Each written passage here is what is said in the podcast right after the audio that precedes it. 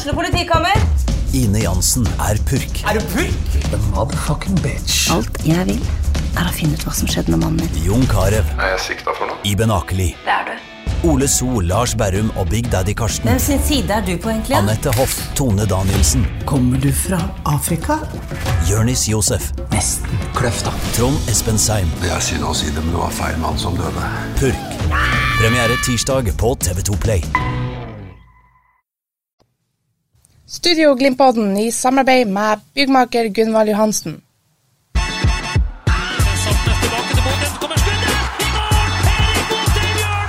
It's more difficult for us than for Bodo boys.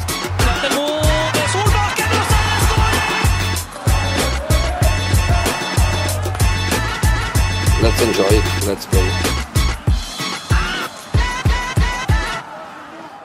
Hjertelig velkommen til en ny utgave av Studio Glimt-podden. Vi har masse å absorbere og sette tennene i her i studio. Med meg så har jeg Stian Høgland og Freddy Thoresen, som har vært eh, turister i London i forrige uke og akkurat rakk hjem til å se Glimt eh, snu det mot Sandefjord. Vi skal selvfølgelig inn på begge de kampene der, og vi skal se frem mot en liten eh, affære som foregår førstkommende torsdag i Bodø. Eh, og vi kan jo ta det først som sist. Freddy Thoresen, da er du altså i Nederland. Og her må vi avkreve en forklaring. Nei, det var noen uh, Huff a meg. Nei, det var jo Vi er jo en røvergjeng som uh, har vært ti år i Nederland og sett fotball, og så i, i furore og ekstase over at Bodø-Glimt slo Harstad i, på bortebane i cupen, og Bjarne Brandal og Freddy Thoresen ikke rakk ferga tilbake etter den kampen, og den neste ferga var eh, innstilt, sånn at vi kom oss ikke på rett side av fjorden før eh, i ett-tida, de, de nattetimene der. Så forvilla vi oss inn og kjøpte flybilletter til Frankfurt eh, oktober, vel vitende om at Bodø-Glimt mest sannsynlig kom inn i Europa i et gruppespill, men vi var hellig overbevist om at det var perfekt timing for oss å fly til Frankfurt, for da kunne vi se Bodø-Glimt på bortebane i Tyskland, Belgia eller Nederland, for vi var hellig overbevist om at trekninga skulle gå vår vei. Og i og med at vi har to die hard Arsenal-supportere i dette turlaget, så selvfølgelig trekker Bodø-Glimt. Arsenal. Og selvfølgelig, når vi skal på tur, så kommer Arsenal til Bodø for å møte Bodø-Glimt.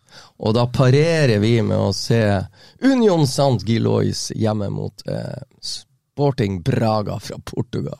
Så dere får se Victor Boniface eh, på topp antageligvis på torsdag, om ikke annet. Ja, det er jo galskap. Og så peiser vi på og ser syv kamper på fem dager, men det hjelper jo ikke så veldig. Hva dere skal til Nederland for når Europas fotballnavle er i Bodø, Freddy? Ja, Det burde du- du visst. Det burde vi ha tenkt på når Bodø-Glimt slo Harstad. Stian, du eh, skal på kamp på Hasmyra på torsdag.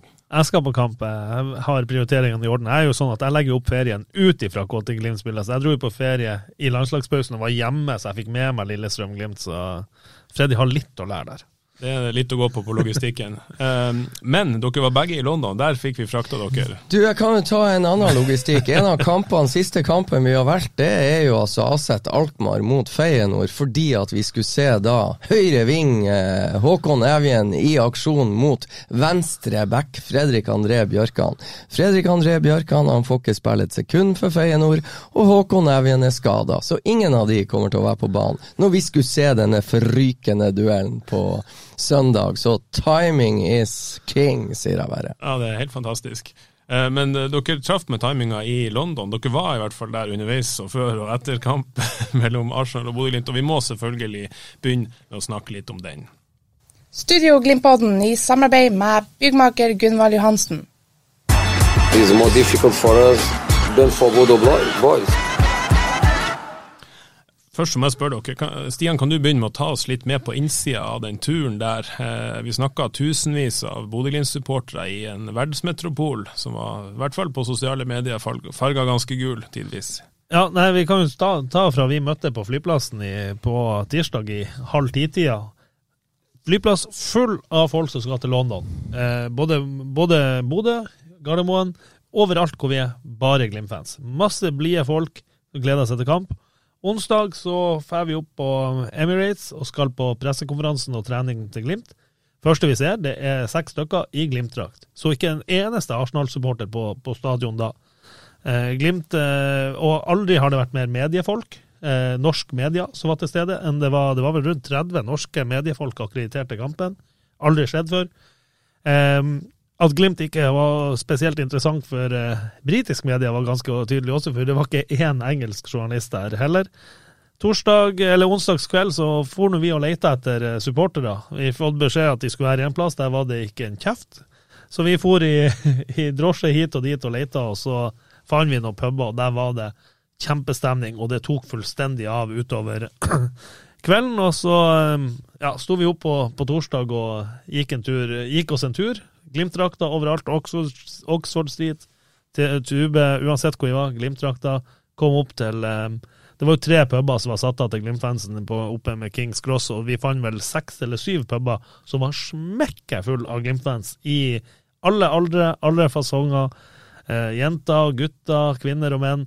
Og, eh, og synging, eh, så på enkelte barer ble, ble innehaverne dritsure, og skru, hver gang Glimt-fansen søngte, så skrudde de musikken så høyt de kunne, for det skulle de absolutt ikke ha noe av. Stakkars folk som uh, måtte ha 200 stykker som ausa ut penger på mat og drikke. Det, det, det må være kjipt for en bareier å oppleve.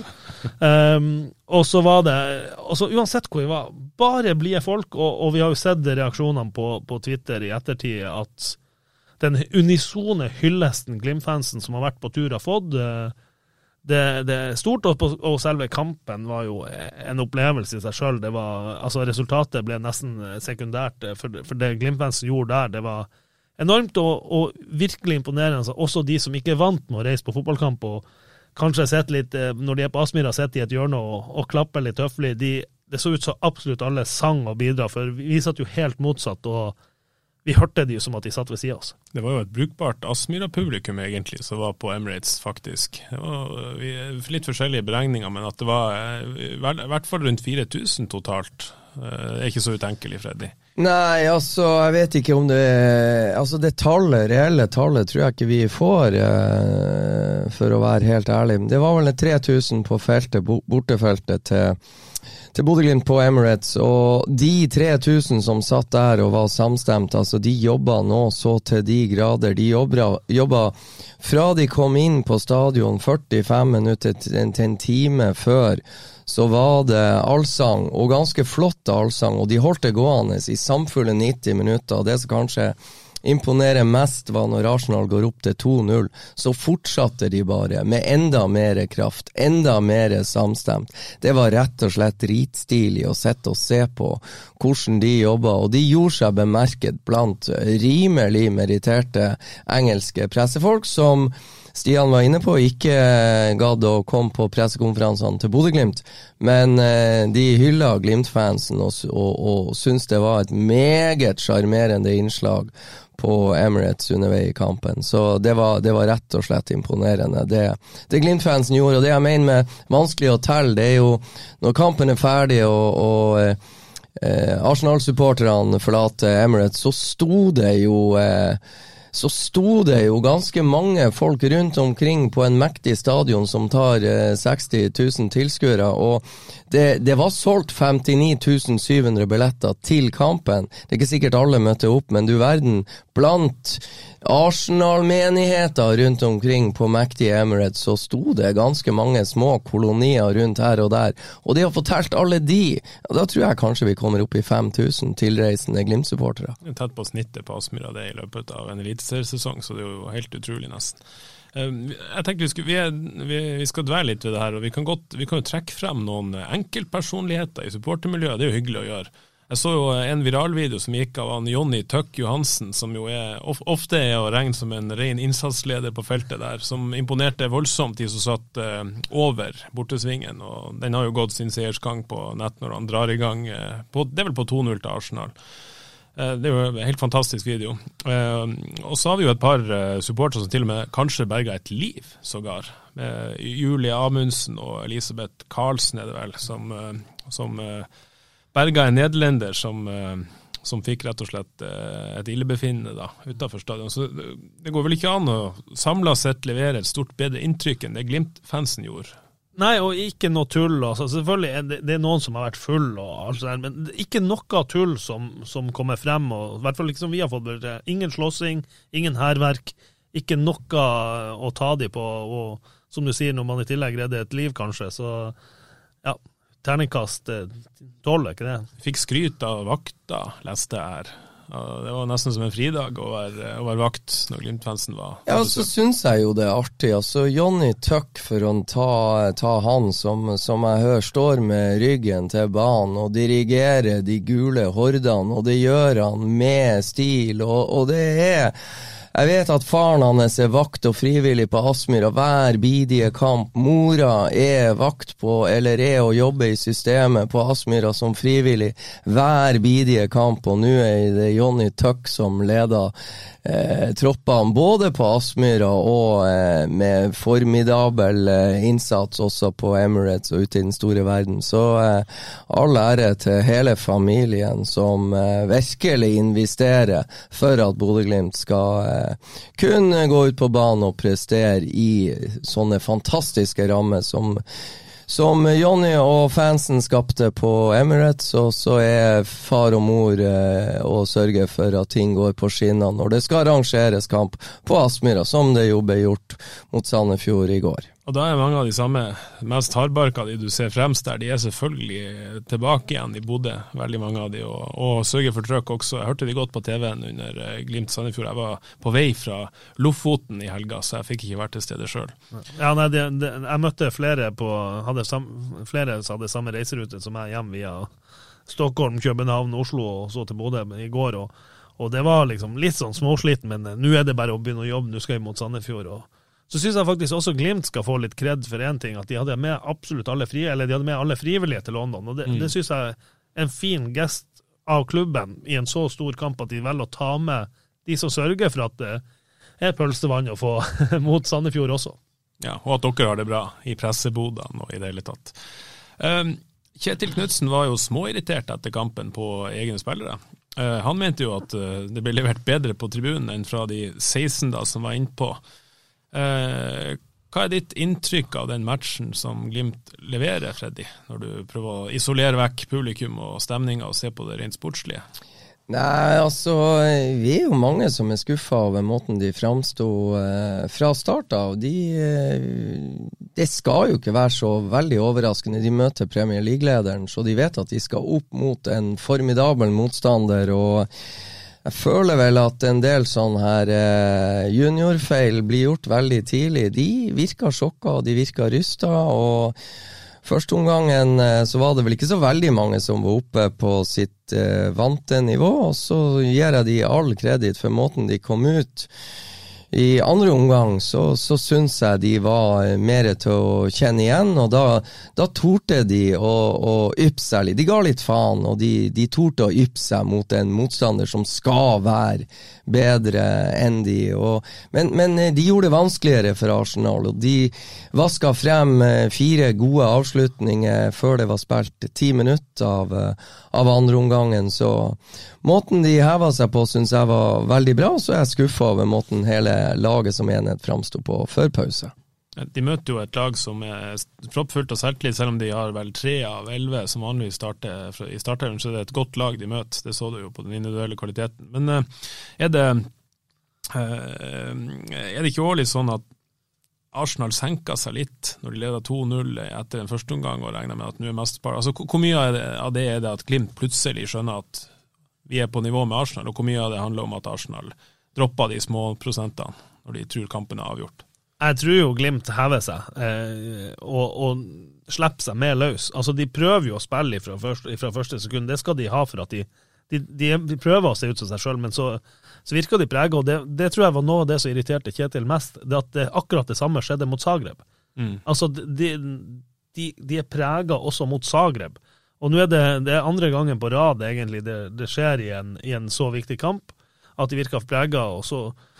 men de skal ha for at de, at de løfter seg i andre gangen. Men, eh, men, selvfølgelig, Arsenal er nok ikke, er nok ikke 100% fra start i, i andre gangen. Eh, så det er nok en kombinasjon. Men, men eh, vi snakka jo med spillere etterpå som var irritert på seg sjøl, at de ikke torde å slippe seg sjøl mer løs fra start.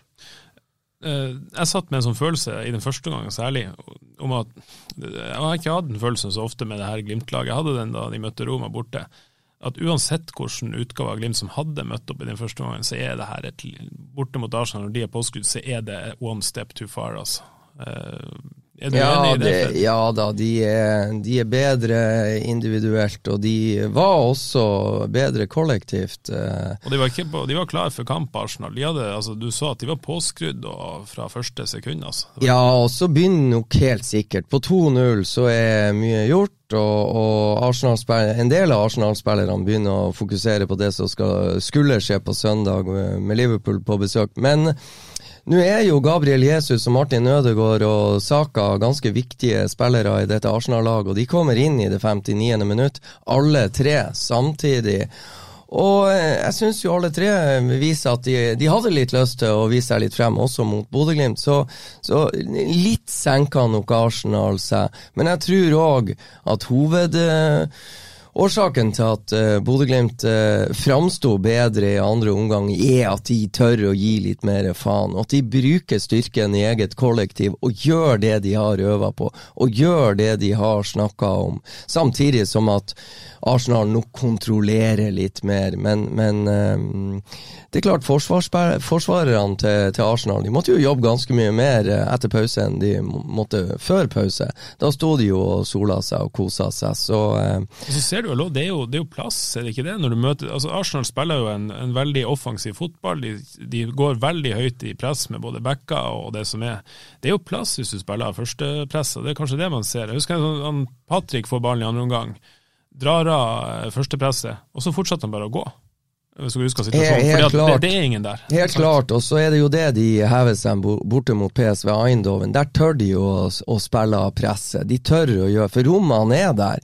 Men da må på en måte også de fremme i banen, tru rommene og hjelpe de bak eh, når de skal tre opp og, og sette i gang bakfra. Det, det, er både midtstoppere og sidebacker. Så det handler om å tørre å utnytte rommet motstanderen etterlot seg. Og det, det torde de i stadig større grad i Eindhoven. og det torde de å teste ut litt mer i andre omgangen på Emirates enn de gjorde før pause.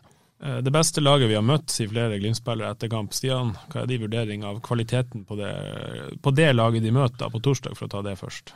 Jo, det, det er nok helt, helt, sikkert sant. Du har Roma borte i den kvartfinalen. Det var også et veldig godt lag. Men um, den selvtilliten Arsenal kommer med som, som suveren Premier League-leder som League og har vært meget, meget solid i, i år det er ikke tvil om at det der var et lag full av selvtillit og hadde altså Som, som dere snakker om her, med, med måten de presser på og, og det er mulighet med rom. Men så også Glimt er jo veldig god på dette høye presset og vinner ballen høyt og, og så låser rom. Ja, spesielt før pause så spilte jo Arsenal av det presset som at de ikke var der. Det var, det var ganske imponerende å se på Arsenal sitt spill. Jeg synes det var en, en liten detalj her. Det er et lag som bytta åtte av elleve mann vi har og diskutert rotasjon ganske mye. De bytter åtte av elleve mann, og de, ganske, de, ser ganske ut som seg sjøl likevel. Er det noe å lære der for Glimt, altså? Hva gjør man når man, man switcher mye? Hvordan, hvordan, holder man seg tru til, til det man ønsker å fremstå som? Det jeg vil tro lærdommen er at det går an å bli enda mer teknisk, og det går an å bli enda sterkere, og det går an å få eh, kollektivet enda mer samkjørt enn en det man er. Og, og det er jo bare å studere Arsenal akkurat nå. Nå er de jo på en måte bilde på, på, det Glimt eh, har ønska å framstå som. Så det er et par knepp opp hele veien. Men det er jo ikke rart, da. Bodø-Glimt har vel et budsjett på 100 millioner, det har aldri vært høyere. og Nå møter de et lag som har et budsjett på 2 milliarder. Så, og de, de, konkurrerer, altså de, Før de møter Bodø-Glimt, så vinner de 3-1 over Tottenham. og Sist jeg sjekka, så var vel Tottenham og slo tilbake og vant på en vanskelig bortebane i helga og, Tot og Arsenal møter da Liverpool på Emirates. Og, og fellesnevneren er jo at, eller det som er fint å ta med seg for Bodø-Glimt, de skåra bare tre mål mot Bodø-Glimt. De skåra tre mål mot Tottenham. De skåra tre mål mot Liverpool. Så det er jo noen lag det er helt sinnssykt å sette og sammenligne Bodø-Glimt opp mot. Jeg så en statistikk etter den Liverpool-kampen om at de har omtrent like mye possession Bodø-Glimt som det Liverpool har. Og de har omtrent like mange skudd på mål som det Liverpool har. Men, men uh, Glimt hadde vel ballen mest mot Arsenal, hadde de ikke det? Ja. ja. I hvert fall til pause. Så. Ja, det var, de var, det var bikka. Glimt var rett over, ja. Det stemmer, det. Så, det, så, så det, det, det, skal jo være forskjell, sant? det er det er poenget. Det skal jo være forskjell på serielederen i Premier League og en klubb som Arsenal og Bodø-Glimt. Vi ser kanskje noe av den forskjellen, men samtidig ser man at det er jo ikke, det er ikke et usårlig lag hvis man klarer å, å spille av førstepress og Nei, det, det, er ikke det. Man må jo på en måte tørre å straffe dem på, på de, de eh, jeg holdt på å si tøffheter og robustheter som ligger i, i Arsenal når de slipper mange folk eh, frem og offensivt. For her er omstillingen, det er jo det som er måten Arsenal omstiller fra, fra forsvar til angrep, hvor, hvor, hurtig det er og hvor kollektivt det er. Og så har de jo da altså er, er, du i løpeduell med Saka, så er det ikke bare Glimt-spillere som kan risikere å tape. Og skal du på en uh, Sett Gabriel Jesus fart og skal begynne å drible litt, så uh, så kan det jo være flere enn Eller Martinelli som starta. Ja, ikke sant. Jeg så han var, han var i løpsduell med Luis Diaz i helga. Uh, Liverpool-kanten. Det, det, er en brukbart kjapp spiller. Ja, Martinelli knuste han ja. i en ren løpsduell. Han, han, er nok en av de aller kjappeste spillerne i verden. Ja, så vi må ta med oss akkurat det, at det er, det er kvalitet. og mange, mange, av de her skal vel spille et fotball-VM snart, og, og eh, kommende fotball-VM. og Det er ikke sikkert det er så mange av de i Glimt-stallen. Men så det det var et, eh, et hederlig forsøk mot en motstander som var mye bedre enn de. Får vi dvele litt med de to målene de slipper inn, da? Likevel, selv om de møter et godt lag. 1-0-skåringa der, det er vel Martinelli som vender Alfons og prøver å følge han inn i banen. Sett fart fremover. Og så kommer det et 100 eh, %-løp fra Kieran Tierney i venstrebacken. Der er ikke Jole Muka med. Skuddet, skuddet går i stolpen. Retur. Der står Marius Lode og halvsøver litt. Feilen skjer jo i forkant. Marius Lode støter, støter, opp i situasjonen som gjør at Arsenal får vendt opp og spilt ut til eh, til Tierney, og i, den, i det Tierney eh, får ballen, så ligger jo Brede Mo to meter bak resten av linja, så her er det på en måte litt kommunikasjonssvikt og lite samhandling i de bakre rekker som gjør at Tierney kommer så fri. For det er klart, støter Brede ut, uh, som han ville antageligvis ha gjort uh, med litt flere kamper under beltet, som inngang til eh, kanskje din, din, største oppgave som fotballspiller på bortebane, så, så, tror jeg nok at Breda hadde holdt linja bedre, og da hadde Tierney vært i offside antageligvis. Ja, men burde ikke likevel et løp fra venstrebacken din. Som kantspiller så er det egentlig den letteste defensive oppgaven. Du følger backen din når han går, og jo, særlig mot Arsenal. Så det jeg prøver å si, at det er veldig veldig mange ja. følgefeil, men jeg tror ikke det hadde hjulpet fullt og helt. Eh, Marius Lode støter ut, og kanskje var det ikke helt riktig å støte ut. Skal du støte ut, mm. så skal du vinne duellen som gjør at det aldri blir noe pasning til Tierney mm. hvis Muka hadde fulgt det løpet. Så det er mange ting som skjer samtidig, for å si det sånn. Det andre er kanskje litt lettere. Det er et innlegg som Alfons Samstedt rett og slett blir smågutt på. Mm. Og så er det skåring. Det er for lett, er ikke det?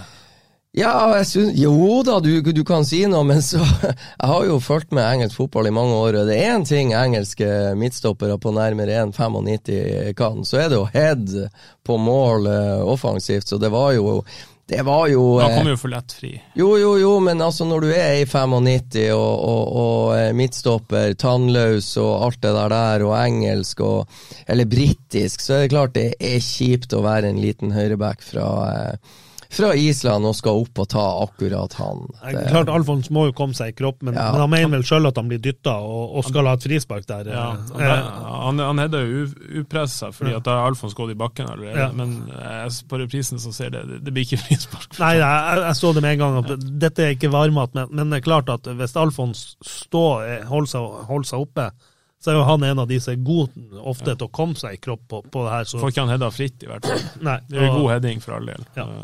Og et godt innlegg, ikke minst. Ja, altså, eh, serven som kommer fra høyre, så vet nok eh, vedkommende som slår inn i den boksen, hvilket rom ballen skal komme. Så ikke minst hvor innleggene skal komme. Der har jo både kantspillere og sidebacker i Bodø-Glimt veldig mye å lære. Det er nok ikke veldig tilfeldig at stopperen oppsøke en duell med en høyreback. Eh, det, det, har vi jo sett, eh, det ser vi jo veldig ofte også i Eliteserien, at, at eh, spisser de, de, prøver å komme seg bak for å få duellen med, stopp, nei, med back, ikke med stoppere. Ja. Og så vil jeg bare skyte inn, det var en kamp i helga, Glimt-Sandefjord. Hvordan kom baklengsmålet til Sandefjord, gutter? Innlegg på bakerste. Helt identisk, nesten. Innlegg på bakerste. Kvint Jansen. Gamle junkeren, eh, kan vi kalle han legende? Nei, det tror jeg blir å dra langt med fem, med tolv kamper, eller hva han fikk for Junkeren, så men, men ja. Det var tolv gode. og så kommer han fra Nederland, så det å si jeg skal på fotballtur til Nederland, så må vi jo hylle Kvint, Kvint Jansen. Men helt klart øh, Bodø-Glimt sov i timen, og, og det er ikke så mange farlige, hodesterke spillere på det Sandefjord-laget, så når den høyeste kommer inn i boksen, så bør det vel kanskje være på sin plass å passe litt bedre på. Det går ikke verken mot Arsenal på torsdag eller Vålerenga borte eller Rosenborg borte. Altså, da må det der sitte. Da må vi være tøffe i duellene. Altså. så er som hvis Nikita Haiken har en sånn førsteomgang som eh, han hadde i går mot eh, Arsenal, så står det 0-4 bare på hans feil. Ja, det er fascinerende å se. Nikita Haiken er jo en keeper som har vært helt fantastisk over lang tid i Bodø-Glimt. Og, og, Og på Emirates er han jo òg en ja, det, det er, beste. ikke sant? På Emirates er han en av de som virkelig er trygg og, og er stødig i alt han foretar seg. Hva han holdt det på med i igangsettingsspillet før pause, det, det, det kan jo det, Altså altså han prøvde seg på å kjefte litt på uh, Hvem det er han kjefter opp når han slår den ene ballen rett ut? Om det er Marius eller hvem det er for noen som får i skjøllebøtte? Det, det går ikke. Nei, det går ikke. I hvert fall når det blir fire av de til sammen i en og samme omgang. Og, og det er jo akkurat sånn at uh, At han, han prøvde alt han kan for å sette Sandefjord opp i en god situasjon. Det var eh, Så til slutt så bare strakk han hånda i været omtrent, omtrent før han slo, slo et ball, men han hadde vel flere nesten sånne, sånne pasningsbrudd der så- i går enn han hadde i alle kampene han spilte for Glimt. For han har, som du sier, Fredrik, han er jo ekstremt bra med beina. Og det er jo han du vil gi ballen der. og ja. Heldigvis, han har vel én sånn kamp i året, cirka, ikke det vi har funnet ut. Han har én kamp i året som bare er helt sånn her eh, borte vekk og natta, og så ble han jo ellers å være god, så vi får satse på han er ferdig med Vi får satse på at han gjorde sitt i en og samme omgang denne gang. Jeg må bare nevne nå, siden vi snakker om Kvint Jansen.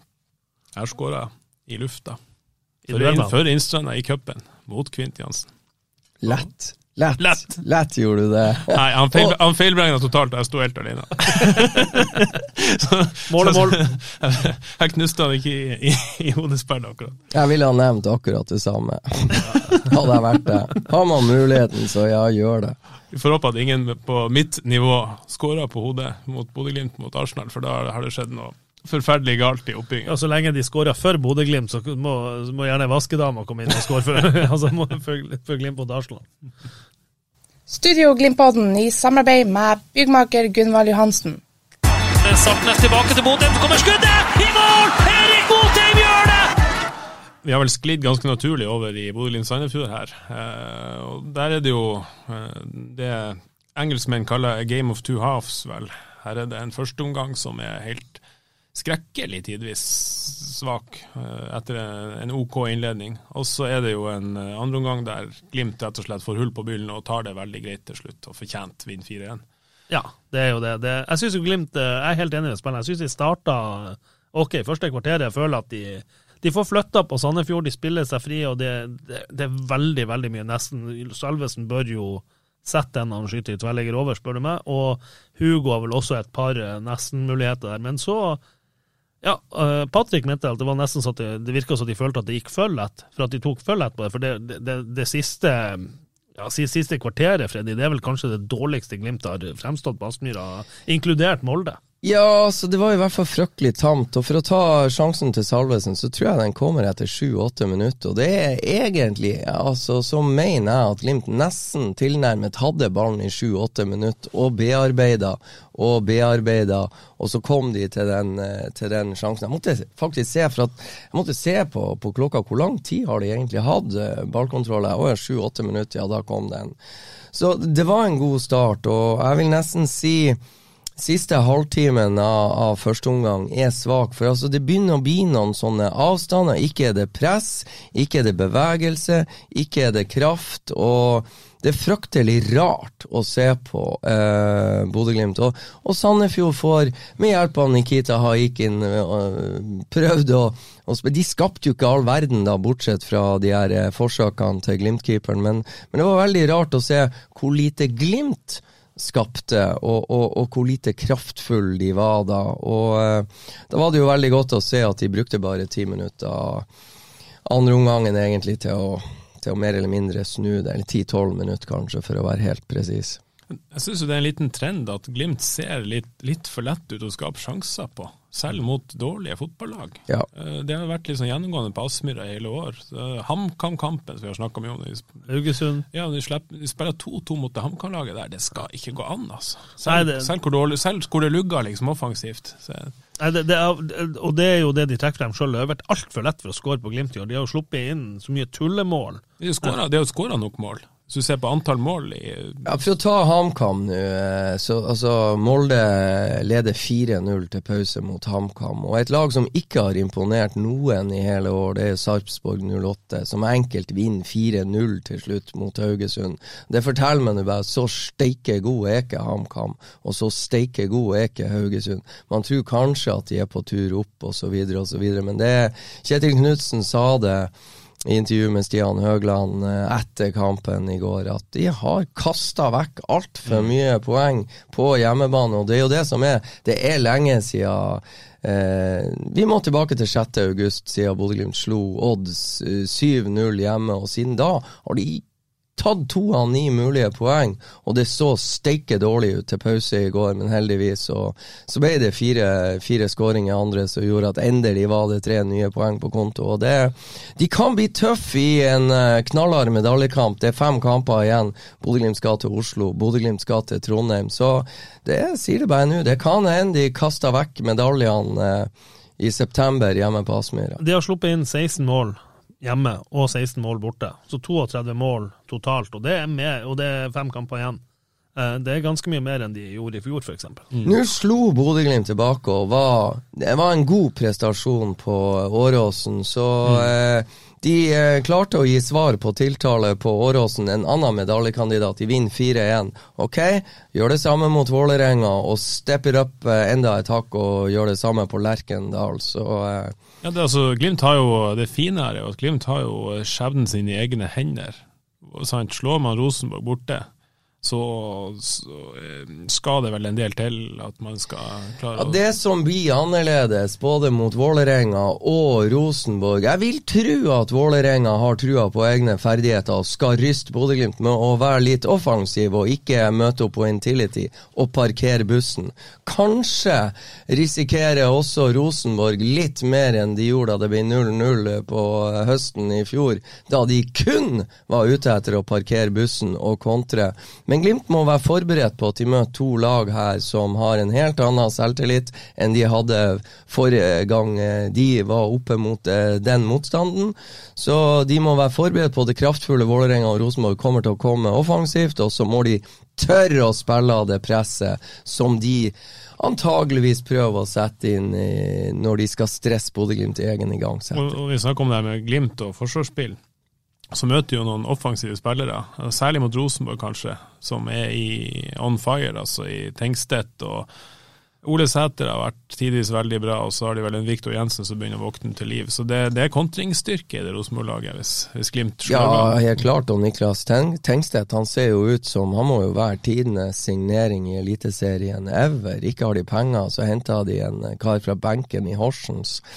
Jeg mener, Sist gang en eh, Horsens-spiss tok turen til Norge, så ble jo også han en suksess. Men jeg er jo redd Tengstedt etter hvert kommer til å knuse det Kasper Junker gjorde for Stabæk, og etter hvert én sesong i Bodø-Glimt. Så Hvem som sitter på benken for Horsens nå? Nå Tar de en spiss der? Han må være jævlig god, han som i hvert fall eh, plasserte Tengstedt på, på benken i Horsen, så kanskje kan det være en idé å gå dit og hente spisser. Så er det jo et poeng. sånn, Rosenborg har tre av de siste fem på Lerkendal. Der er de veldig sterke. De har 10-2-0 på Lerkendal. Eh, Glimt Ja, har, har, har 8-0-4 borte, det er veldig bra. Eh, men Glimt har 3 av 5 på bortebane. Og hjemme så har Glimt 6-6-1. Ja, det er de det uavgjort ikke- kampene. Ja, det, Ja, så det er de en bare- fordel, fordel for Bodø-Glimt å ha tre bortekamper. Ja, men det er nesten det. Så eh, ja, det, det forteller jo litt at uh, Glimt har en jobb å gjøre for å sikre seg den, den sølvmedaljen, som jo selvfølgelig er viktig i forhold til uh, Europa. Ja, og som uh, Hvis de er forberedt, altså, så, så, så er det klart at uh, Jeg forventer ikke at Vålerenga eller Rosenborg parkerer buss, og det skal bety muligheter for Bodø-Glimt hvis Bodø-Glimt fremstår sånn som de gjør på sitt beste på bortebane, som de viste store, klare antydninger til på Åråsen. Mm. Vålerenga hjemme er en av de beste kampene Glimt har spilt i år òg, for øvrig. Ja. De vinner 5-1. I hvert fall på Aspmyr. Ja, i hvert fall på Aspmyr. Eh, vi må innom et par ting til mens vi snakker om hjemlig serie, medaljekamp og Sandefjordkampen her. Eh, vi har ført litt statistikk opp gjennom årene. Eh, Ulrik Saltnes ble satt på benken mot Sandefjord hjemme. Det er jo et tema vi har vært inne på en stund. Når skal Grønbæk få sjansen på bekostning av Ulrik? Det får han altså mot Sandefjord. Det er første gang siden Freddy, må du hjelpe meg hva du har i papirene dine? Eh, ja, det er en bortekamp mot Tromsø. Det er vel antageligvis 16. mai 2019. Da eh, var det vel Vegard Bergan og NT som spilte midtstopper. Jeg husker ikke den andre midtstopperen, men da ble av alle ting Ulrik Saltnes plassert på benken. Og så kom han inn i andre omgang som midtstopper. og var med å snu kampen fra 0-1 til seier 2-1. Mm. Altså etter det så har altså ikke Ulrik Saltnes blitt satt på benk i en tellende kamp der han har vært frisk og i troppen mm. for Bodø-Glimt. Et par spørsmål. Stian, hvorfor gjør eh, Kjetil Knutsen det nå mot eh, Sandefjord?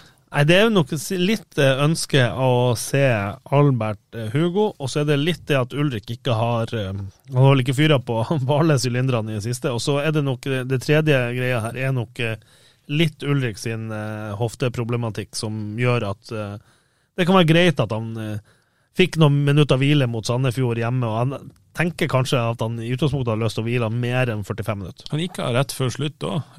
Hva kan vi lese ut av det? Er det for å få mest mulig fred og hvile? på... Nei, der sier jo ikke doktor Knutsen eh, Ulrik kom jo ikke i miksen sjøl i går, men doktor Knutsen eh, sa jo at det var bra vi hadde han da. Og det, det Ulrik han kjente det stramma mer og mer i hamstring utover mm. i omgangen. Det var aldri snakk om noe strekk, det slo aldri helt ut.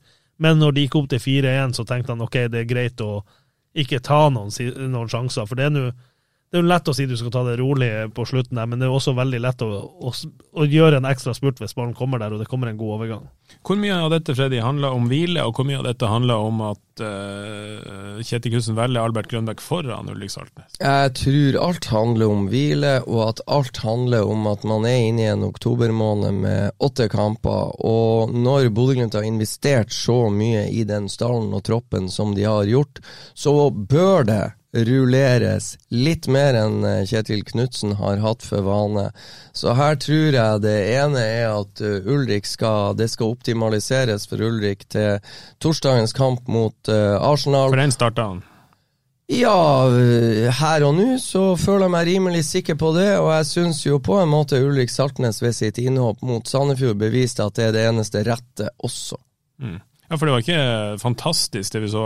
Albert Grønbæk hadde noen fantastiske detaljer, innhopp. Var bra mot Lillestrøm, selv om han ikke var helt på Hugo Vetlesen-nivå. Men den omgangen han spilte mot Sandefjord nå, det var ikke så mye å skrive hjem om. Det er vel kanskje det svakeste vi har sett av Albert siden han ja. kom til Glimt. Eh, og, og, det, det, må, det, må, han få lov til å ha, ha en, ha en off-day, også han. Men uh, det er jo selvfølgelig veldig kjipt at det skjer når han endelig får sjansen. Hvor, hvor lenge til neste gang han får sjansen til å ha en off-day, tenker jeg. Ja. Nei, og så er det en del av disse tingene med fotball som er fryktelig vanskelig, og, og, som går kanskje på Ulrik sine relasjonelle styrker og samhandlingsmessige styrker i forhold til hvordan han driver og posisjonerer seg. Kanskje er hans tilstedeværelse med å bidra til at det blir litt rom til Brisveen Bangomo, som vi på tribunen knapt oppdager egentlig hva han gjør, hvordan han gjør det, når han gjør det. Så det er noe med det her relasjonelle og det eh, omstillinga fra forsvar til angrep, press, når, hvor og hvordan. Og, og, eh, det tar jo tid, gjør det ikke det? Altså, det, jo, det, det har ikke Grønbæk etter noen uker? Det tar tid, og hvis man går tilbake til, til opprykkssesongen 2017, så trøbla Glimt lite grann. Og, og, et stykke ute i sesongen så finner, så finner man eh, plass til Ulrik Saltnes som eh, Jeg husker han kom inn, jeg mener det er en kamp mot Mjøndalen eller Ullensaker Kisa hjemme på Aspmyra. Jeg husker ikke helt hvem det var, men han kommer inn til pause. Glimt vinner 1-0. Ulrik skåra. Og der Altså, plutselig så ligna Glimt mer på seg sjøl. Jeg husker en annen kamp borte mot Florø, hvor jeg syns Glimt var ganske god. Ulrik spilte venstre indreløper, og det var litt sånn samhandling, og det sklei fint. Så blir Ulrik bytta ut, og José Angel kommer inn i indreløperrollen, og det kledde jo ikke han helt. Det her var en periode hvor både José Angel eh, Mathias Nordmann og også Vegard Moberg likte mest å spille sentralt. Så det er noe med hvor han helstøpte han er inn i den der indreløpersamhandlingsbiten som uh, Så jeg syns basert på det vi så mot Sandefjord, uh, så altså Fasit er jo den eneste eksakte vitenskap, egentlig, da. Så det er ingen tvil om at Glimt framsto bedre. Det er nepp i andre omgang mot Sandefjord. Neppe bare pga. Ulrik eh, Saltnes sin inntreden. Men, ja, Salves nå, men at det hadde en del å si, ja, det kan det jo ikke være tvil om. Eh, og så Glimt, eh, Glimt er jo veldig avhengig av indreløperne i sitt offensive spill, og det er jo en ganske sånn spesialisert rolle. som jo, Det er jo ikke alle lag som spiller med indreløpere, i hvert fall ikke med den typen indreløpere som har så mye ansvar for det offensive som Glimt. Sorry Stian, mulig jeg tar at du skulle si, men, men du så altså Albert Grønbæk ble jo eh, fortvilt over å ikke han, han var jo knapt borti ballen. Når han hadde det, når han hadde ballen, så slo han inn på tribunen. Ja, og, men, men, han var knapt borti ballen de første 20 mm. minuttene. Og til slutt så begynner han jo å bevege seg over i Hugo Vetlesen sitt rom men, men, for å komme med, og det er jo ikke akkurat den samhandlinga Glimt ønsker. Men har vi ikke sett en del sånne kamper Ulrik òg i år? Da har knapt vært borti ballen. Jeg mener tydelig å huske. Jeg han, jo, men jeg tror Ulrik virker Du har helt rett, men jeg tror Ulrik driver og jakter kontinuerlig det rommet som er riktig å jakte i et overbefolka forsvar hos motstanderen. Jeg tror han driver og jakter de riktige rommene der han skal, sånn at, sånn at han ikke driver og ødelegger for medspillere. Men, jeg tror også der, eh, Freddy, at eh, For du har jo helt rett i at Ulrik er jo veldig han er jo veldig opp og ned på, på samme side. Altså Han holder holder mønster, mens Albert bryter mer ut av mønster. Men det gjorde han også mot Lillestrøm borte, når han spilte høyre innløper. Så var han også over litt sånn jeg tror han har den, liksom der, den tierrollen i, i, i, blodet. Så at han vaser, ikke vaser, at han, at han, han tar noen Han vandrer. Kry, han vandrer eller tar noen kryssløp eh, for å involvere seg, annet enn det Ulrik gjør. Og det, og det, er jo litt det du får med andre typer spillere også, at de ikke Altså, Albert kan, kan, ikke komme inn og være Ulrik, Albert må være Albert. Og Da kom, trenger kanskje omgivelsene litt, eh, litt, tid til å finne ut av det. Altså, det, det har jo tatt en stund før den, den linken som kanskje er tydeligst i Glimts offensive spill, nå er jo Pellegrino Vetlesen. Mm. Den lille pasninga over til motsatt innløper, når Vetlesen finner mellomrommet der. Og den er jo også ekstremt giftig. Hvis ja. Hugo finner Ulrik, altså den, den kombinasjonen i mellomledd der mellom de, inne på motstanders ja. Men den har tatt tid. Ja. Ja. Det har tatt tid før den har satt. Jeg husker han, eh, når han skårte hat tricket mot Odd, Hugo, så blir han spurt om den pasninga på det siste målet. Det er Pellegrino som slår ei sånn klassisk på løpet til han. Litt sånn som mot eh, Solbakken eh, til Vetles mot Zürich. Egentlig akkurat samme mål. Da sier jo Hugo det der har vi jobba med lenge, og endelig satt den, liksom. Mm. Så at, at, det der er, det er små detaljer som plutselig bare, bare man får betalt for, det, som, som ikke vi nødvendigvis er så legger merke til der og da. Ja, utvilsomt. Um, et poeng til fra Sandefjord før vi er ferdig med den. Um, vi har uh, gjort det ganske bra i norsk fotball i Europa. Uh, Molde slo nå Shamrock Rovers her hjemme og sikra seg noen ekstra sånn koeffisientpoeng. og Glimt har jo slått Zürich og uh, gjorde et, et inntog i fjor. Jeg leste nå en, en, tweet fra noen som hadde regna ut at nå var det 96% sannsynlig at Norge stiller med to lag i Champions League-kvalik fra og med 2024-sesongen, altså etter 2023-sesongen. Mm. Um, og det er ganske sannsynlig at vinneren i 2023 faktisk kan ha sjanse til å gå rett til gruppespill uten kvalik. Uh, det dekker jo bordet brukbart for neste sesong, Stian. Ja, det er jo helt uh, spinnvilt at vi, vi har snakka om at hvor umulig det er for norske lag å komme seg til Champions League i, eh, gjennom prestasjoner. Ja, OK, nå har vi to norske lag som, som henter inn litt poeng. og Molde henta inn masse poeng i 2020. Mm. Glimt henta inn masse poeng i 2021 slash 2022. Eh, og forhåpentligvis fortsetter begge å ta poeng nå i vinter. Eh, og det nyter jo alle andre godt av òg. Altså, også forhåpentligvis så nyter Bodø-Glimt godt av det at de slår tilbake og vinner ligaen i 2023. Men, men det gjør jo også at uh, du kan få du får flere lag. Du får ett lag som får mulighet i Europaligaen, ja. som vi ikke har noen nå, annet enn Glimt pga. at de, de røyk i, når de gjorde i, Champions League. Du får cupvinneren, vel, i ja. Conference League-kvalik òg, gjør du ikke det? Nei, det er vel den som får Europaligaen. Okay, ja, for det er snakk om fem lag plutselig. ja, og så, får, og så får du fire lag, da. Eller tre lag i, i serien til, til Conference League, så det er klart at det har noe å si. Og når du først har lagene inn der, mm. Så er det jo mye større sjanse for at du beholder den plassen. For da kommer du inn, og, og så tar du La oss, si får, la oss si at du får, tre lag i gruppespill, så vil de jo forhåpentligvis nødvendigvis ta litt poeng, og sikre flere koeffisientpoeng, som, um, som er viktig. Ja, og for Bodø-Glimts del, som har investert tungt i sommer, eh, så er jo altså 2022 Vi må vel stikke fingeren i jorda, selv om det er en matematisk mulighet, så blir det ikke gull til Glimt i år. Nei, det blir ikke. Men det skal kjempes om eh, Conference League-plasser. Det er andre- eller tredjeplass som gjelder. Mm. og det er kanskje enda viktigere med tanke på den sesongen neste år. Å få spilt Europa, holde rytmen i gang, få møtt lag på høyt nivå, sjonglere serie- og europaspill. Fordi etter 2023 så er det faktisk hvis Glimt klarer å bygge en bra stall og holde på spillere osv., så, videre, så, så er det en det er en Champions League-mulighet igjen, en ganske stor en, som ligger i potten. Ja, det, det, det er ekstremt viktig, det, det som skal skje, skje, resten av sesongen. Og, og Glimt, som vi var inne på i sted, har en del tøffe eh, matcher.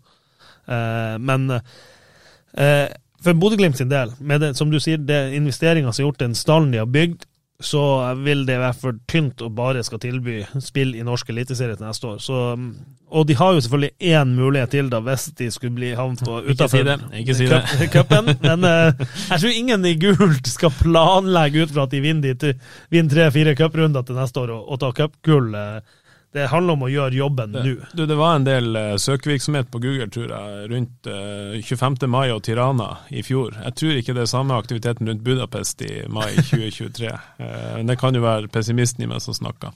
Det, jeg, jeg, støtter deg i den, som en, oss to pessimister imellom. ja, men, men hvis du skal vurdere medaljekampen, da. Hvordan syns du Glimt står nå for de siste fem matchene i serien, og hvordan skal de klare å Vi ser jo sånne tendenser til at ja, mot Arsenal så var det ikke påskrudd, mot Sandefjord så går det en omgang egentlig før de virkelig kommer i gang. Hvordan vurderer du Glimts evne til å, til å holde oppe trøkket og faktisk sikre seg både medalje og, og en ideelt sett en videre europacupspill? Jeg skal innrømme at, og dette er ikke bare pessimisten i meg som, som, snakker, at jeg er litt skeptisk. Rett og slett for at jeg føler at Glimt etter i, i, Før har de eh, sjonglert dette tette kampprogrammet veldig bra. I høst så føler jeg at de hadde nedadgående kurve hver eneste uke de har måttet spille tett og tett. Ja, de var gode mot Zürich, og ja, de var gode mot PSV, men seriekampene har de ikke vært gode i etter det. Nå skal de spille mot Arsenal på torsdag en, den største kampen for veldig mange eh, Glimt-spillere. Vi har sagt det noen ganger, men det er tidenes største Glimt-kamp omtrent igjen. Ja, på Aspmyra, ja. stedet. Og så skal de bort og møte Vålerenga, og er det én ting som er sikkert, at Vålerenga på Intility på søndag blir ikke lett. Nei. Der kan ikke Glimt komme eh, på 70% fra start og tro at de skal ha med seg noe. Eh, så er det nå Så får de nå Kristiansund hjemme. Et Kristiansund-lag som kjemper med nebb og klør og mm. har vært bra i det siste, de må ha poeng for å Og de kommer til å gjøre det vanskelig. De kommer til å spille en fotball som Glimt ikke setter pris på.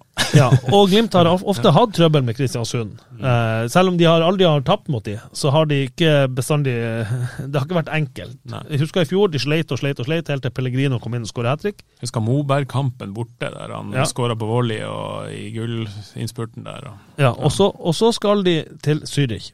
Mm. Eh, og etter det rett til Lerkendal.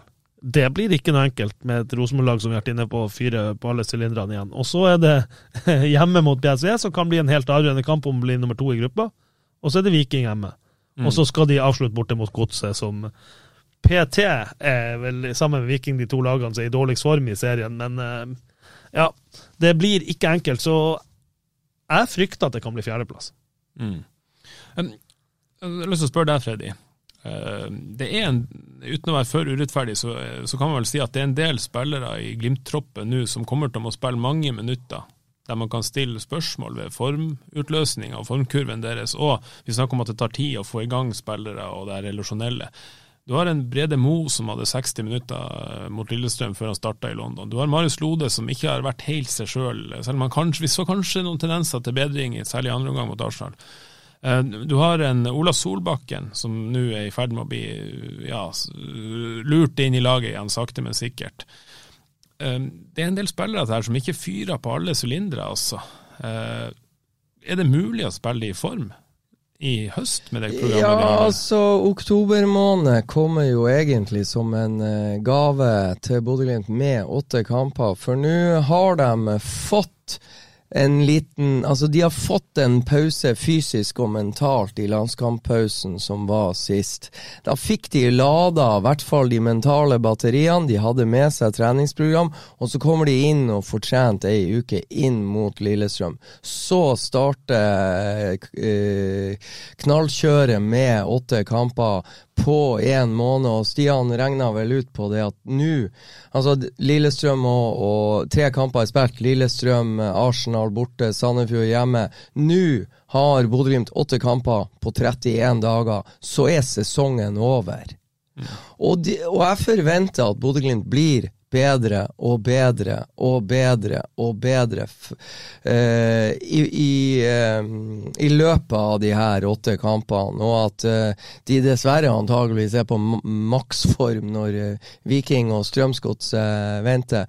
For det handler om da har Brede Mo kanskje fått flere kamper i kroppen. Patrick blir bedre og bedre i sin rolle. Marius Lode, de kampene han spiller, blir bedre. Ola Solbakken. Så er det òg da det som er mest spent på, det er jo om vi får se noen av spissene mm. ta vare på de mulighetene som ligger frem. For jeg syns på en måte eh, i år så er det dessverre Victor Boniface som har skapt mest vansker. Etter hvert så han fikk loggført flere kamper, så ser vi at eh, det funker bedre og bedre for laget som en enhet med Victor. Han har vært grei å ha mot Arsenal i Jeg tror han har vært steingod å ha i mange kamper, eh, egentlig. Nei, så og, og, og, så tror jeg at den spissrollen er mye, mye viktigere enn vi tror for helheten. Både mm. hvordan du setter i gang presset. Eh, jeg savner det her at det går an å tre opp bakfra til en spiss som faktisk tar imot ballen som Erik Botheim på sitt beste. Hold på den, la midtbane, indreløperne komme etter, vinkle til høyre eller til venstre eller en av kantene. Det ser jeg altfor sjelden. Vi begynte å se det med Victor Boniface. Ser det for lite med Runar Espejord. Ser det nesten ikke i det hele tatt med, med Lars Jørgen Salvesen. Så, og så er det jo sånn at vi har snakket om det før, men det er jo nesten sånn at den som starter ja, de to leverer jo dårligere enn den som kommer inn, nesten uansett. Jo, det, det er sant, også, men, men, jeg la merke til litt på, på Emirates, uh, hvor Glimt før pause er ganske svak. Uh, det er ikke enkelt å hete Runar Espejord, for du får ikke mange sånn her eh, pasning å jobbe med som du strengt tatt skal klare å gjøre noe med. Men det jeg ser, han sprenger mye, han jobber hardt, han prøver, og jeg ser at han flyter eh, ganske uh, det er en annen snert i steget hans eh, nå. I hvert fall var det det på Emirates. Så han, han er i ferd med å, å, å, ha fått absorbert en del av den treningen. Og han har fått vært skadefri lengre enn på lenge. Mm. Så, så, Vi satt der i eh, tidlig i sesongen og snakka om at Runar Espejord, når vi kommer til sommeren, så begynner det å komme. Nå er det en stund siden sommeren, altså. Ja, det kom en litt, men, eh, men, jeg føler ikke at han eh, Jeg føler ikke at han er på 100. Altså det, og jeg syns han kommer til utrolig lite sjanser. Både han og egentlig Salvesen. Sal og så syns jeg det er Freddy inne på det her med Det er selvfølgelig aldri enkelt å være spiss på Emirates, men det er jo et ekstremtilfelle. Vi spiller kamper der Glimt har ballen hele tida. Og, eh, hvor mye av det handler om at Salvesen og Espejord for den saks skyld involverer seg, griper fatt i kampen, er aggressiv, altså krever plass i kampen? Og hvor mye av det handler om at kanskje er det ikke den spillertypen? Kanskje jeg syns Salvesen sprenger for mye. Eh, altså, altså, altså, sånn som i går, eh, i første gangen vi snakka om det, Freddy. Han er ute på venstrekanten og, vinner, og, og involverer seg og kommer rundt på venstre, og så slår han inn. Så sier han det er jo han som skal være og heade en ball i mål. Samme i presspill, og av og til så, så, setter han presset uten å liksom at det, det, er, ingen, det er ingen med han. Han, han, han springer tulling alene, liksom. Også. Jeg tror vi skulle ha fått uh, Lars Jørgen Salvesen til å ta en telefon til Japan og ta en liten prat med, med Kasper Junker, for, for, jeg tror dere er inne på noe. Altså, Lars Jørgen han, eh, han bruker nok litt unødvendige krefter på å vise innsats, og, og kanskje går han på en og annen, et og annet løp i presset som han strengt tatt ikke hadde trengt å ta. fordi fordi at de andre følger ikke helt på. Eh, Men presspillet til Glimt generelt i år sitter jo ikke Nei, og, og, og det er jo det, det vi diskuterer her. Det var steike bra under Kasper Junke, men Ulrik Saltnes sa det så steike bra da eh, Kasper Junke forsvant fra hotellet i eh, Marbella for en tid tilbake, at eh, vi mister en utrolig bra spiller. Jeg har aldri sett noen sprenge så lite i presspillet, men stå så ofte riktig plassert i forhold til hvordan vi ønsker at presset vårt skal settes. Og det går jo litt på fotballforståelse og fotballsmartness. Og så har du Erik Botheim, som er en liten sånn kombinasjon, da, som ble bedre og bedre og bedre, og hadde innsatsen til Salvesen, men var smartere i når han satte inn trøkket og støtet.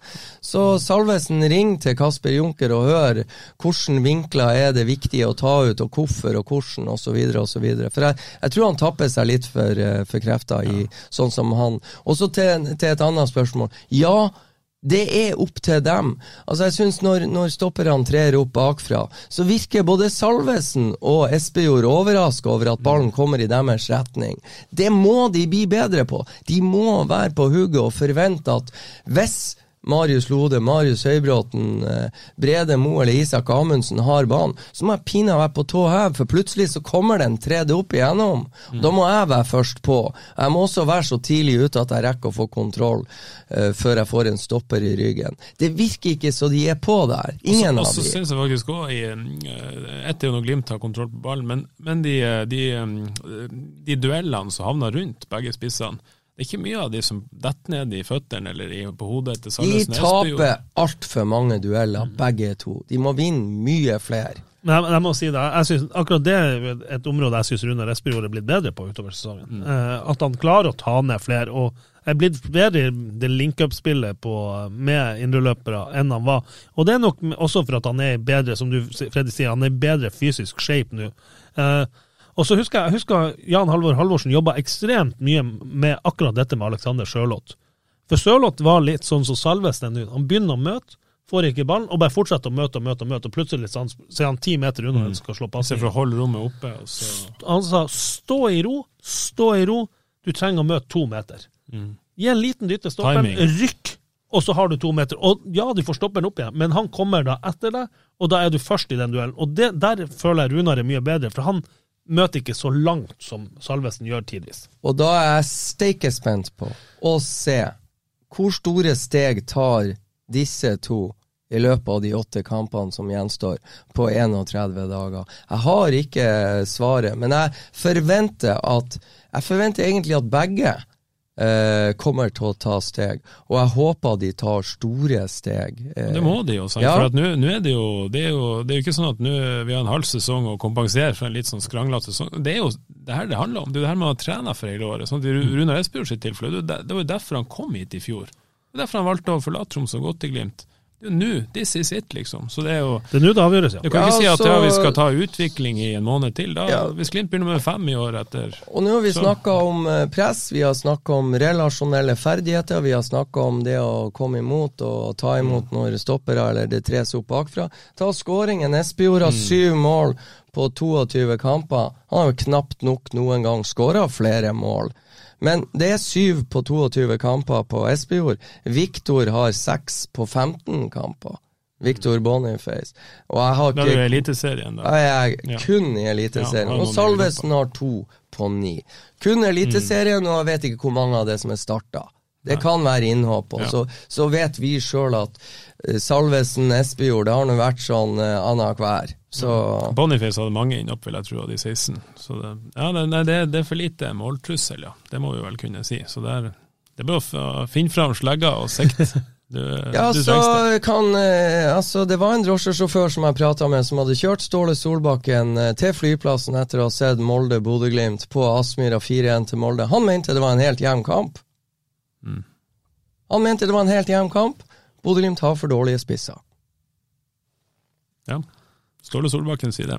Da, da, da er fasiten. Nei da, men altså Det, Det var hans analyse, i hvert fall. Det er hans analyse. Han syns kampen var mye, mye jevnere enn Det- det var- 1-4 tilsier. Det var forskjell på kvaliteten på siste tredel på Fofana, Brynildsen og på det Glimt stilte med. Det, jo- det kan vi vel være Ja enige om. Um, men uh, det kommer en kamp. Det er det som er så flott. Det kommer alltid en ny kamp, og på torsdag så kommer det ja, Sjelden har det vel kommet i større grad enn kampen jeg gjør på torsdag. Ja, Union Sant Gilois mot uh, Sporting Braga. Det blir fantastisk. Da får du se Victor Boniface. Da får du se den spissen I gule drakter! I gule drakter. Men vi som skal sitte og se på Espejord eller Salvesen, og her er det vel bingo. Jeg ville kanskje gjetta Espejord. Uh, det blir Espejord. Det blir Espejord. Hvordan forventninger jeg kan begynne med deg, Stian. Hvilke forventninger har du til Glimt mot Arsenal på torsdag? Jeg forventer et Glimt-lag som slipper seg løs fra starten, som ikke kommer ut med høye skuldre og er prega av uh, situasjonen som de har vært i et par andre kamper. Jeg forventer nå kommer det, det I og med at alle spillerne jeg snakka om etter eh, Arsenal-kampen sist, er skuffa over at de ikke slapp seg løs. Ja, jeg forventer at de slipper seg løs og viser seg fra en helt annen side fra start. Freddy, hva er du mest spent på å se på Aspmyra?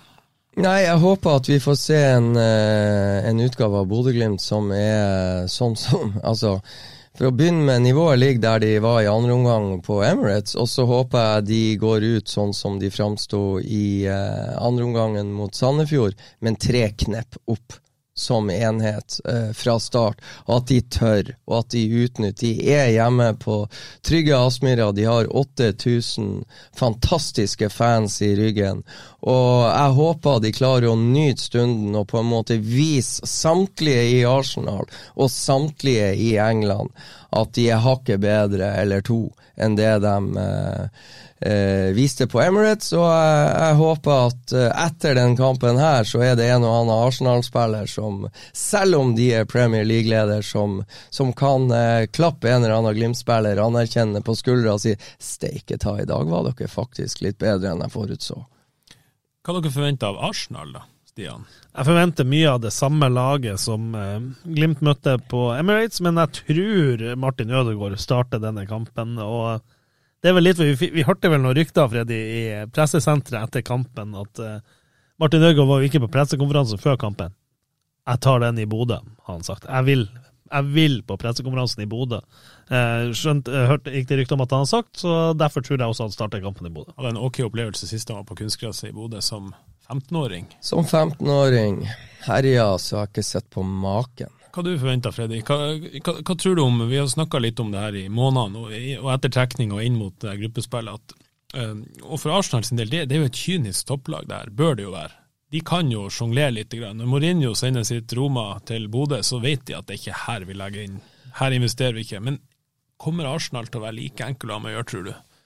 Kommer de til å senke seg mot Glimt? Nei, jeg, jeg, tror Arsenal kommer til å prøve å være seg sjøl. Og så, så, er det hvordan håndterer de 8000 tilskuere, som sitter ganske mye tettere inntil enn en egentlig de 60 000 som sitter på Emirates. Det blir en ny opplevelse for de.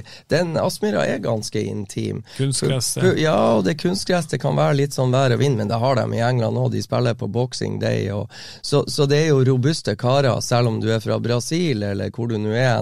Så når du spiller spiller du, tjener du til livets opphold. Jeg regner med det er jo annen trening i London som er som er et, et sant helsike værmessig sammenligna med det du, du, møter i Bodø. Så de, de, har vært igjennom det her før. Det, det, kommer ikke til å være så mye nytt sånn sett. Men, eh, men eh, jeg tror det blir et eventyr for Arsenal å komme hit. De eh, går rykter om at de har bestilt 110-120 hotellrom, så det er en ganske stor delegasjon som setter kursen til Bodø. Så for de blir det et eventyr å komme opp og skal spille kamp i Europa League above the Arctic Circle. Det blir spektakulært. Men uh, så håper jeg at de er mer opptatt av hvor de er, og tar litt bilder på, fra det som for dem antageligvis ser ut som å være på månen. Så at de glemmer av å fokusere fullt og helt på det som skal skje når uh, dommeren blåser i gang. Jeg tror de lar seg imponere av glasshuset, Stian, når de kommer inn. det jeg vet, er at Arsenal var her oppe med fire stykker og rekognoserte for noen uker siden. og når jeg påpekte det til Glimt at å ja, er det normalt? Ja ja, det, alle har vært der. Alle lagene er oppe med men Arsenal brukte å være med tolv eh, å se på. Eh, og så litt tilbake til hva vi kan forvente av Arsenal. Sånn i, i, forhold, I forskjell til Roma som kom hit i fjor, så kommer det et lag nå, stinn av selvtillit, som har vunnet igjen leder Premier League. Eh, så de kommer opp hit eh, med en helt annen trygghet sikkert enn Roma gjorde. Men, og så er det vel en del som har lyst til å spille på det laget? Yes, men Arsenal gjør det samme som Roma gjorde. Eh, etter det jeg har blitt fortalt, så lander Arsenal her i sjutida på onsdagskvelden og skal, skal ha pressekonferanse halv åtte. Så de kjører en walkaround. De skal ikke trene på Aspmyra, de trener i London før avreise. Ok, interessant. Interessant. Eh, Hvilket lag tror vi vi får se fra Glimts side? Stian, kan ikke du begynne med å Siden jeg traff best eh, mot, mot Arsenal borte. Nei, jeg tror eh, Nikita, Alfons, eh, Brede Så er det jo et spørsmål Du må ikke si Marius nå, for da skjønner jeg ikke. Nei, jeg hadde lyst til å si Marius, for da traff jeg uansett. Nei, for jeg er usikker på om det blir Høybråten eller Lode. Jeg tror, jeg tror faktisk han kommer, går med Lode igjen. Og, og Bris. Dvel litt ved den. Hvorfor? Er det det han snakker om med frispillingsfasen? Frispilling og fart tror jeg er, er, er Ja, det er mye fart i ja, Arsenal. ja, ja, det er det. Jeg, jeg tror det er det, det han kommer til å gå for. Og så tror jeg jo midtbanen, hvis det er Ulrik nå da er frisk, det tror vi jo han er. uh, Hugo, Patrick, eh, Ulrik. Og så tror jeg faktisk Ola er inne, og at det blir Ola Runar Amal. Det er mitt tipp. Det var jo det samme jeg tippa i, i London, da, men, uh, men jeg tror at det blir mitt tips. Og så jeg tror det mest diskusjon kommer til å være rundt den andre stopperen, sammen med Brede. Ja, du er ganske sikker på Runar, for eksempel? Ja, ja, det er jeg. Freddy? Ja, jeg følger, følger det all the way. Vi, eh, det var vel ingen av oss som forutse at Joel Muka skulle starte på Emirates, og så hadde Stian Marius Brede eh, Jeg husker ikke hva jeg tippa. Høybråten Brede. Høybråten Brede, ja. Eh, på grunn av eh, god kamp eh, på eh, Åråsen. Nei, jeg tror eh, Stian har rett, og jeg tror det er det som blir. Og jeg tror òg Jeg tror eh, Kjetil Knutsen eh, vil ha farta til Marius Lode. Jeg tror eh, det tror det blir flere sånne løp i bakrom, trusler fra Arsenal-spisser, raske Arsenal-spisser, enn type holding inn i boks og skal head. Der er jo styrken til Marius Høybråten. Så både farta til Lode og igangsettingsspillet. Og så, så eh, Nei, eh, og eh, som dere var inne på, jeg tror det er et Arsenal-lag som Hvor det er mange, uansett om de starter med de som starta mot Zürich, eller om de, de starta med de samme som starta på Emirates mot Bodø-Glimt, så tror jeg det er mange gode fotballspillere som ønsker å vise for trener Ariteta at de er gode nok til å spille enda mer i Premier League enn de vanligvis får gjøre. Så, så er det bare Jeg tror jo kanskje at de syns det gikk høvelig greit på Emirates, og at eh, Jeg håper at eh, de kanskje tror det går litt sånn av seg sjøl, bare med å møte opp og, og være litt kraftfull. Men hvis de er en annen, og tester en annen tørr kunstgressbane på kampdagen, så tror jeg de kan bli overraska over at et vått Aspmyra går noe fortere enn en tørr kunstgressbane, og at Glimt-spillerne er hakket bedre teknisk til å mestre akkurat det eh, enn eh, solide Premier League-spillere kunne forutse. Ikke minst etter en enkel 3-0-seier hjemme. Du høres nesten optimistisk ut, Freddy. Nei, jeg prøver å være litt eh, sånn håpefull og optimistisk. Han men- sitter med to pessimister i studio, så han, han er nødt til å ta tak her. Vi får jo ikke se et kampbilde som er likt det som vi så i første omgang, på Emirates i hvert fall. Det er jo vel vi ganske sikre på. Det kommer til å bli litt annerledes. Eller er det jeg som er jeg tror, naiv nå? jeg tror Arsenal kommer til å bli utfordra hakket mer i Hvis de prøver å, tre, å, å, å presse Glimt høyt.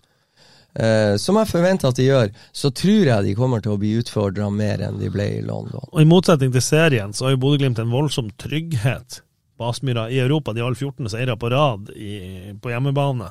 Eh, så der har Glimt en, en trygghet i, som, eh, som jeg håper og tror de tar med seg også inn i- mot Arsenal. Ja, nå må jeg være barnslig, altså. Det syke er jo at eh, de tre siste lagene Bodø-Glimt har hatt i Europa på Aspmyra, har hatt eh, har sett i fornavnet sitt. Altså, det skal jo ikke gå an. Sjalgiris, Zagreb og Zürich. Sett! Smak på den. det var dagens digresjon. Ja, det er jo helt håpløst. Ja. Og så går vi, begynner vi snu, vi begynner vi med A nå. Hvor kommer PSV inn i det her? Jeg bare lurer. Da får vi finne på noe annet. Hvor viktig er det å vinne denne kampen for Glimts sjanser til å gå videre? Eller for å spørre på en annen måte, hvis Glimt slår Arsenal, hvis vi tør å leke med den tanken der, da ser det bra ut altså, med tanke på mulig avansement. Og ikke bare til Conference League, men kanskje et knepp opp.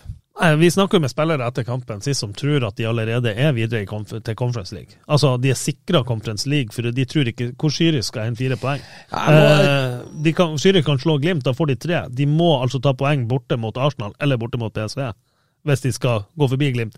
Men hvis Glimt slår Arsenal Vi må, vi må jo ta høyde for eller vi må jo tro at PSV slår Zürich Ja. hjemme. Eh, Da vil både Glimt og PSV ha syv poeng. Gjør de ikke det, hvis PSV spiller uavgjort med Zürich, så er det jo en gave til Glimt. Ja. Da er det jo Hvis Glimt Ja. vinner, ja. Så for, for da vil du jo ha, eh, ha enda mer poeng ned til Zürich, og du har fått, eh, fått poeng Du kan, vil klare dem uavgjort, mest sannsynlig hjemme mot PSV. Så er det, er det jo en nøkkelkamp der mot Zürich borte da, i nest siste. Så Mm. uansett hvordan det går da, hvis Arsenal gjør jobben og tar seks poeng mot PSV, det er jo ikke sikkert, i og med at eh, de mest sannsynlig Eller de, de kan risikere å ha ni før de som møter PSV borte, så kanskje sparer de mye der òg.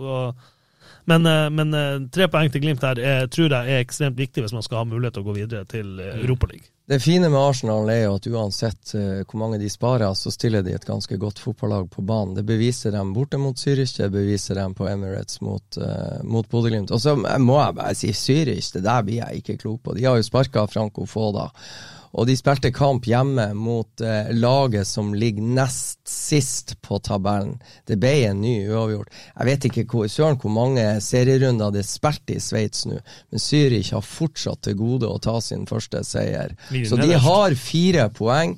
De ligger helt nederst, og i helga spilte de 1-1 hjemme mot vintertur som har fem poeng og er foran dem på tabellen.